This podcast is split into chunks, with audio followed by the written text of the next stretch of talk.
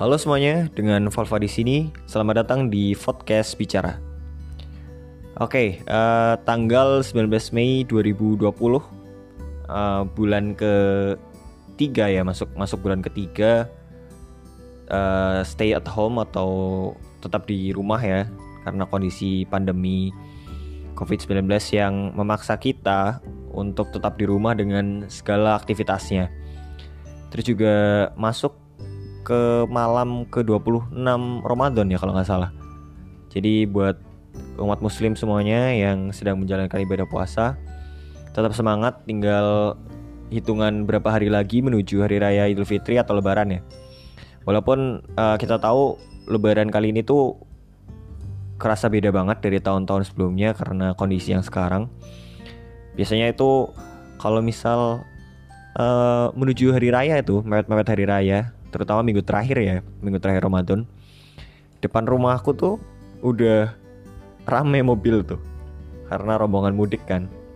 Kebetulan depan rumah tuh jalan nasional jadinya.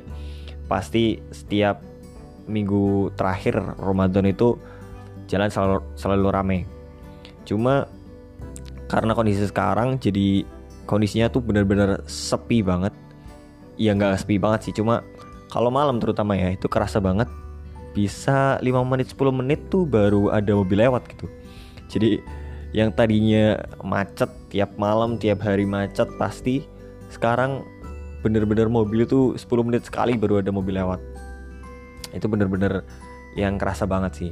Terus juga sekarang udah nggak ada takbir keliling ya karena mungkin yang takbiran itu di masjid cuma sedikit karena lebih banyak orang yang stay di rumah terus juga himbauan nggak tahu sih ini bakal gimana sampai hari raya besok. Cuma kabarnya tetap gak ada sholat di masjid atau di lapangan. Karena itu kan pasti rame banget kan kalau lebaran tiap tahun tuh. Jadinya dihimbau untuk sholat di rumah. Jadi benar-benar beda lah tahun ini. Oke okay, uh, eh, di episode sebelumnya itu episode pembukaan ya. Jadi isinya cuma perkenalan aja. Sama latihan sih sebenarnya karena belum pernah nih ngobrol di depan mikrofon sendirian. Jadi itu episode buat percobaan aja. Nah di episode kali ini uh, aku bakal ngebahas yang sesuai di judul ya kalian baca yang udah sering juga orang bahas dan mungkin uh, udah banyak dari kalian yang juga ngerasain yaitu insecure kita beda satu-satu ya. Insecure itu definisinya apa sih? Nah, kalau misal kita lihat dari bahasa Inggris, insecure itu berasal dari bahasa Inggris yang artinya tidak aman. Jadi itu adalah rasa tidak aman atau uh, yang biasa kita gunakan, misal, ih aku ngerasa insecure nih, atau misal, ih kamu insecure nih, itu uh, bisa diartikan sebagai rasa tidak percaya diri. Sedangkan menurut uh, psikologi sendiri di sini insecure adalah sebuah upaya dari adanya emosi yang terjadi apabila kita menilai diri kita menjadi seorang inferior dari orang lain. Nah, di situ ada kata inferior. Apa sih inferior? Uh, inferior itu adalah bermutu rendah atau rendah diri. Jadi saat kita merasa uh, diri kita tuh lebih rendah dari orang lain atau misal kemampuan kita tuh lebih rendah dari orang lain itu namanya inferior. Dan uh, insecure ini bisa dimaksudkan juga rasa khawatir rasa takut rasa kurang percaya diri tadi ya terus juga rasa parno terhadap diri sendiri. Nah uh, tapi nyadar nggak sih kalian kenapa anak zaman sekarang itu gampang banget yang namanya insecure. Bahkan mungkin hampir nggak nggak semuanya sih cuma banyak dari teman-teman aku yang sering ngomong ya aku insecure nih. Uh, mau upload foto aja bilang ya aku insecure nih dan lain-lain gitu. Uh, sebenarnya kenapa sih gitu? Soalnya kalau misal dipikir-pikir ya sebenarnya orang-orang yang zaman dulu itu hidupnya lebih susah dari kita dari yang anak-anak milenial zaman sekarang. karena zaman dulu tuh rasisme masih banyak itu juga dulu masih zaman zaman penjajahan gitu masih susah. Itu juga nggak seenak sekarang yang uh, apa apa bisa lewat handphone bisa lewat rumah gitu ya. Sekarang kita uh, stay di rumah kita kita aja masih enak banget kebantu sama aplikasi uh, ojek online dan lain-lain. Masih bisa belanja di rumah. Dulu mana ada kayak gitu kan uh, dulu tuh bantuin orang tua uh, ke sawah ke kebun. Dulu tuh banyak banget tekanannya. Tapi kenapa uh, zaman sekarang anak-anak malah terutama remaja ya itu lebih rentan untuk insecure.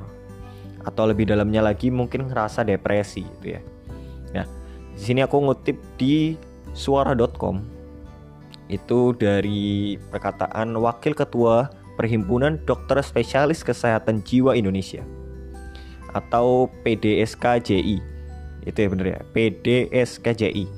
Dokter Diah Setia Utami, spesialis kesehatan jiwa. Nah, uh, Dokter Diah di sini mengatakan bahwa anak-anak saat ini cenderung bisa lebih stres ketimbang anak-anak era dulu. Jadi uh, dari dokter spesialis kesehatan jiwa aja uh, ngomong kalau anak-anak zaman sekarang itu lebih rentan terkena uh, insecure atau lebih dalamnya lagi itu depresi ketimbang orang-orang zaman dulu. Nah, kenapa sih? Nah, kalau di sini itu uh, disebutkan bahwa keadaan depresi faktornya itu relasi sosial jadi mungkin uh, lebih ke tuntutan sosial sih ya terus juga mungkin uh, karena sekarang pergaulannya udah beda lebih terbuka. Padahal kalau misal dipikir-pikir ya pendapat pendapat aku pribadi justru dengan keterbukaan kalau dulu kan uh, karena rasisme masih banyak ya jadinya kayak orang-orang tuh takut mungkin yang beda ras atau apa. Itu tuh takut loh. Sedangkan sekarang uh, dengan kebebasan yang uh, bebas banget bahkan dilindungi oleh undang-undang kenapa kita malah ngerasa nggak uh, percaya diri ngerasa takut gitu nah di sini juga ada uh, dari himpunan psikologi Indonesia atau HIMSI Pelita Sinaga mengungkapkan suatu studi di kota Surabaya yang menunjukkan 68% orang yang depresi di kota pahlawan tersebut dialami oleh remaja.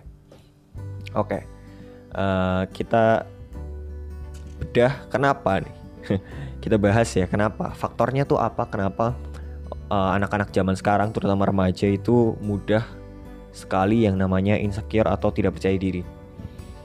Uh, ini aku ngutip lagi dari tin.co.id hasil riset yang dilakukan Jin Twingye aduh itu nggak tahu bacanya ya kalian kalian buka sendiri aja ya uh, profesor psikologi dari Universitas Negeri San Diego California Amerika Serikat menyebutkan kalau remaja saat ini cenderung banyak masalah Masalah terbesar yang dihadapi remaja di masa kini adalah tuntutan kehidupan modern. Jadi uh, nyambung ke perkataan aku tadi ya, karena itu uh, tuntutan sosial, tuntutan lingkungan karena pergaulannya sekarang lebih uh, modern lagi, lebih luas lagi. Terus juga di sini disebutkan uh, hal ini dialami oleh remaja di era sekarang karena faktor yang jadi momok sebenarnya ya. Ini tuh ada ada sisi positif dan ada sisi negatifnya, yaitu apa? Media sosial. Kenapa media sosial? karena ya tau sendiri lah ya karena di media sosial itu bener-bener bebas banget bener-bener orang mau ngomong apa aja di situ bisa karena mungkin ngerasa misal aku lagi di uh, Jawa nih aku ngomentarin orang di Amerika. Kan kita nggak ketemu ya jaraknya juga jauh gitu kan. Mungkin berpikiran kalau uh, dia dia nggak mungkin nyamperin ke sini ngapain juga gebut banget. Kecuali kalau kalian tuh ngomentarin Deddy share tuh Om Deddy. Kalau misal kalian komen ngehead ke dia mungkin bakal dicari. Jadi mungkin itu yang uh, menyebabkan remaja itu gampang insecure.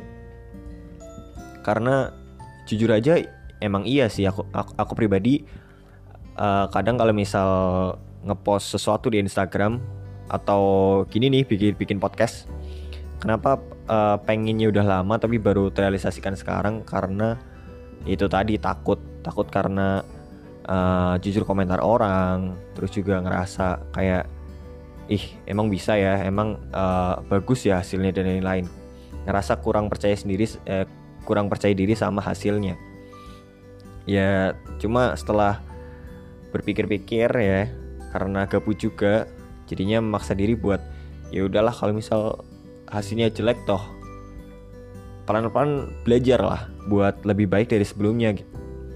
Cuma uh, mungkin salahnya juga bukan salahnya ya, faktornya uh, kenapa anak sekarang itu lebih gampang depresi dan lebih gampang insecure itu karena mungkin didikannya ya beda. Jadi dulu itu lebih banyak tantangannya, rasisme banyak, terus juga zaman-zaman lagi perang, banyak banget tekanan, kehidupan juga belum seenak sekarang. Justru itu yang membuat uh, mental anak-anak pada masa itu tuh jadi kuat gitu loh. Jadi pribadi yang eh, nggak uh, kayak sekarang gitu. Karena sekarang udah apa-apa enak, jadi mungkin uh, mentalnya atau kepribadiannya itu jauh lebih lemah dari anak-anak era dulu.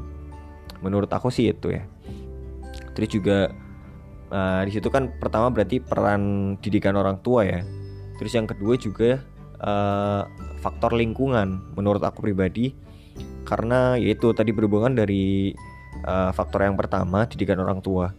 Karena nggak cuma satu dua didikan orang tua yang mungkin salah terlalu manja mendidik anaknya jadinya uh, gampang insecure atau mentalnya nggak sekuat anak-anak era dulu. Nah itu jadi sebuah lingkungan.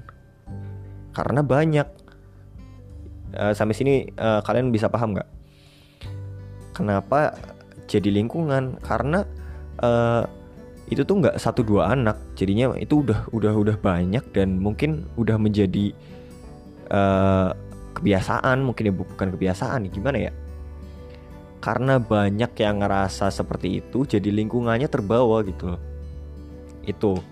Jadi uh, menurut aku sih sebenarnya gimana sih kalau misal kita insecure biar ngerasa lebih pede dan bisa percaya sama kemampuan kita sendiri?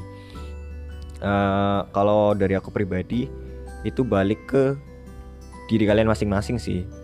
Walaupun aku sendiri juga masih ngerasain kayak gitu ya. Aku sendiri adalah orang yang overthinking banget apa-apa dipikir hal-hal kecil aja uh, dipikir gitu loh. Sering juga dibawa perasaan gitu jadi itu yang uh, faktor yang buat aku tuh sendiri juga ngalamin yang namanya insecure. Cuma uh, semua itu tuh nggak bakal hilang nggak bakal berubah kalau nggak dimulai dari diri sendiri. Jadi kalau misal kita ngerasa kita kurang pede, kita nggak percaya sama kemampuan diri kita, tapi dari diri kita sendiri nggak berusaha ngelawan rasa tersebut, nggak berusaha uh, berani mencoba buat ngelawan rasa takut tersebut, kita bakal uh, stuck di situ aja, bakal tetap ngerasa bahwa kita tuh nggak nggak punya kemampuan apa apa, bakal nggak pernah percaya sama kemampuan diri kita sendiri jadi uh, solusi bukan solusi sih. Hal yang mungkin perlu diperhatikan adalah percaya dan mulai mengajak diri sendiri itu untuk berubah. Kalau misal uh, kita takut sama komentar orang lain, tapi uh, buat ngalahin diri kita sendiri aja kita nggak bisa. Gimana kita mau uh, berusaha maintaining diri buat nggak uh, terpengaruh sama omongan orang lain gitu kan.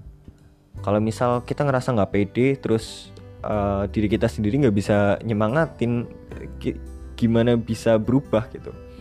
Jadi yang pertama itu dimulai dari diri sendiri yang kedua itu apa ya sebenarnya sebenarnya masih sama sih kayak yang uh, pertama dimulai dari sendiri eh dimulai dari diri sendiri terus mulai mencoba. Pertama kali mencoba itu adalah experience yang nggak bisa kalian bayangin misal kalian awalnya nggak pernah terjun dari ketinggian misal 3 meter ke dalam air. Sebelum kalian nyoba kalian nggak bakal tahu rasanya gimana. Nah kalau misal kalian udah mulai nyoba nih udah mulai berani terjun dari ketinggian 3 meter ke kolam renang atau ke air gitu ya kalian mungkin ngerasa wah aku udah tahu nih rasanya. Cuma kalian lihat ke atas lagi ada uh, tempat untuk lompat lagi yang tingginya 12 meter. Jadi menurut aku kalau misal kalian udah bisa ngomong ke diri kalian sendiri oke okay, ayo harus lebih percaya diri lagi harus berubah harus apa ya mulai menilai diri sendiri itu lebih baik gitu Nah, selanjutnya kita harus mulai mencoba untuk pertama kalinya. Karena ini kalau misal bahas uh, bicara soal pertama kali, tanda kutip pertama kali itu bakal panjang ya karena uh, pertama kali sendiri itu pasti punya arti yang berarti banget buat setiap orang. Uh, contohnya episode satu kemarin ya itu tuh pertama kali aku bikin podcast dan ya semoga aja sih bakal keterusan bikin podcast podcast kayak gini ya nah jadi uh, selanjutnya sih uh, yang kedua itu tadi adalah mulai aja dulu gitu terus yang ketiga mungkin bersyukur ya ini aku nyebutin uh, yang ada di pikiran aku aja ya aku aku sendiri juga nggak bikin list Eh, apa yang harus dilakukan buat mencegah insecure gitu. Jadi ini pendapat murni dari aku sendiri pribadi. Uh, yang ketiga mungkin bersyukur ya, karena kalau misal kita nggak bersyukur, kita tuh nggak sadar kalau kita tuh sebenarnya punya gitu loh. Misal kalian tuh sebenarnya cantik atau ganteng gitu.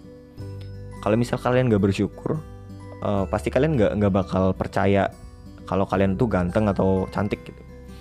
Misal kalian tuh bisa nyanyi. Kalau misal kalian tuh nggak bersyukur kalian tuh nggak bakal pernah pede nggak bakal pernah ngerasa cukup gitu loh.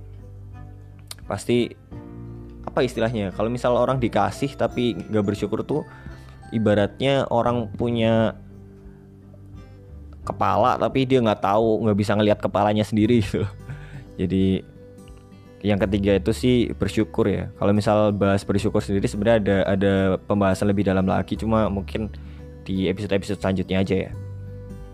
Terus dari bersyukur sendiri juga nanti ada pembahasan tentang uh, ibadah ya, hubungan uh, pribadi sama Tuhannya masing-masing. Karena dari situ kita juga bisa sadar tentang apa itu bersyukur.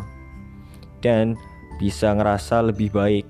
Bisa ngerasa kalau iya ya kita kita tuh sebagai insan punya porsinya masing-masing. Jadi ngapain kita harus uh, ngerasa insecure dan ngerasa kurang percaya diri?